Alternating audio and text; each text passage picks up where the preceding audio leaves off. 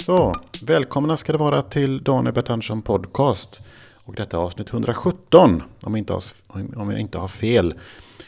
Podcasten, Daniel Bert Andersson Podcast, DBAP, med mig, Daniel Bert Andersson. Det är jag som äger den här podcasten och bestämmer allt vad den handlar om. Och den handlar ju om då det som hände sen vi hörde senast, det som händer just nu och det som kommer hända lite senare. Välkomna ska ni vara till Daniel Bert Andersson Podcast. Avsnitt 117. Ja, vi fortsätter vår serie med mikrohistorier, självbiografiska mikrohistorier.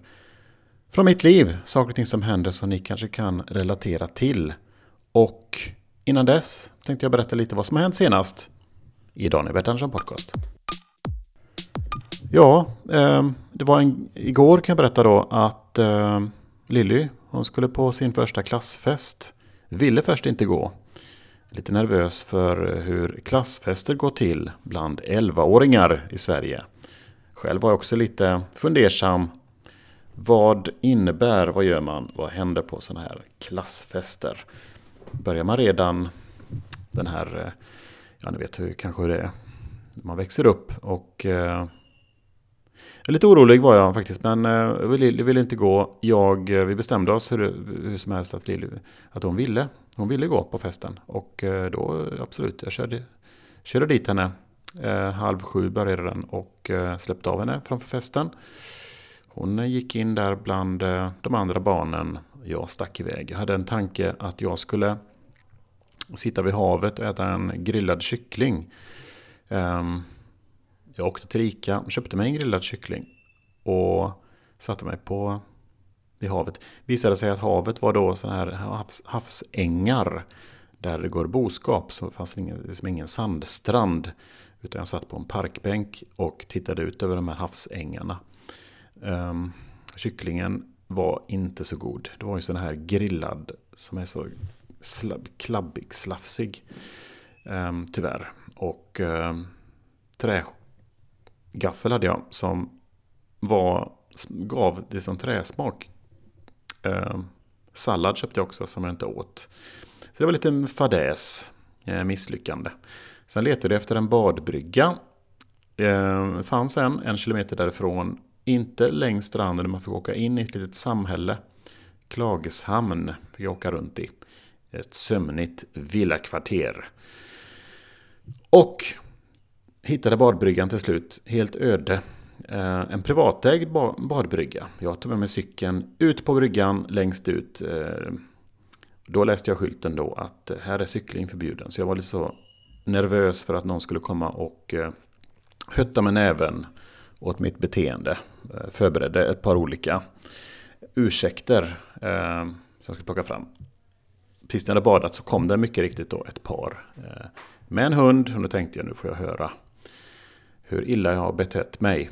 Men de sa ingenting. De dömde mig antagligen i tystnad, men lät mig hållas. Eh, tog ett bad, sen åkte jag iväg och skulle hämta upp Lilly och då hörde jag de här karaktäristiska ljuden utav fotboll. Eh, föräldrar som skriker bra jobbat, eh, applåder.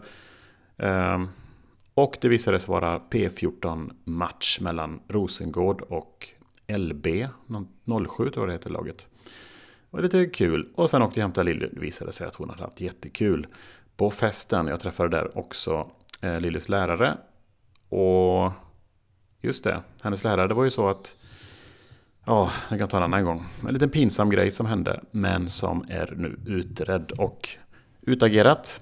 Så nu är vi på goda termer igen. Ja, Alltså det var aldrig dålig stämning mellan oss, men det var en grej som hände som jag tyckte var väldigt pinsam. Hon har förklarat att det gör ingenting. Det kan vi ta en annan gång. Ja, då kommer vi in på segmentet då när vi pratar om, när vi delar mikrohistorier. Och eh, här kommer de. En efter en. Kalldusch. Jag tänkte på uttrycket kalldusch ett vanligt uttryck för att beskriva oönskade överraskningar. Det kommer från när man står i duschen och plötsligt drabbas av kallt vatten istället för varmt. Detta har blivit en vanlig metafor, men det är sällan man går in i duschen och förväntar sig en perfekt temperatur direkt. Man brukar ju stå och kontrollera temperaturen med handen eller benet innan man bestämmer sig för att duscha. Det är ju som om man skulle förvänta sig perfekt väder utan att kontrollera det först. Man skulle inte se ut genom fönstret utan att gå direkt ut på gatan och upptäcka Åh! Ösregn! Vilken kalldusch! Kulturkorv Jag fick en tips från en gammal bekant. En sån här vänlig själ som man träffar på några gånger under livet. Om man är uppmärksam. Han frågade om jag inte kunde skriva någonting om omvända kulturkrockar och prata om det i denna podcast. Man brukar ju prata om omvända kulturkrockar när man efter många år utomlands återvänder till sitt hemland och inte riktigt känner igen sig. Man har då en så kallad omvänd kulturkrock. När jag skulle skriva in namnet till denna text ville jag skriva kulturkrock. Men eh, autokorrekt gav mig kulturkorv. Vilket fantastiskt ord. Och eh, vilken glädje jag kände när jag hittade detta ord, kulturkorv. Spontant kände jag att just korv är ju faktiskt ett utmärkt sätt att beskriva kultur i ett land. Polsk korv. Mustig, rik, kryddig. Precis som landet själv med rik och mustig kultur. Spansk korv. Liten och het. Belgisk korv. Det skrivs inte så mycket om belgisk korv. Men det är eh, säkerligen som dess öl i alla dessa smaker. Blåbär, choklad och så vidare. Svensk korv. Glutenfri, rättvisemärkt. För vilka via rättvisa vet vi inte. Kanske är det arbetarna på Dorkofors slakteri. De ska behandlas rättvist med lika stora sådana kanelbullar i fikarummet. Det finns ju ett Big Mac-index som indikerar BNP i landet. BNP mäts i Big Mac och kulturen i korv. Kultur och ekonomi. Då har vi halva kvar. Vad mäts den i? Något matrelaterat? Jag säger tacos. Varför vet jag inte. Men jag säger tacos. Jag färgade mitt skägg. Jag har två ljusgrå fläckar i mitt skägg. Mitt på hakan. Som två strålkastare. Mitt ansikte är som en lastbil med två strålkastare ständigt påslagna. Min mustasch är det där gallret som brukar sitta på lastbilar. Ovanför det är det vindrutan. Mina ögon. Jag far fram genom vardagen som en lastbil med dessa två strålkastare påslagna. I alla väder. Samma ljusstyrka. Nu vill jag ha förändring. På Gents på Hamngatan i Malmö gick jag mellan mahognyhyllorna. Skäggkräm, mustaschkräm, små borstar, små kammar. Hylla efter hylla. Längst ner stod tre lådor skäggfärg.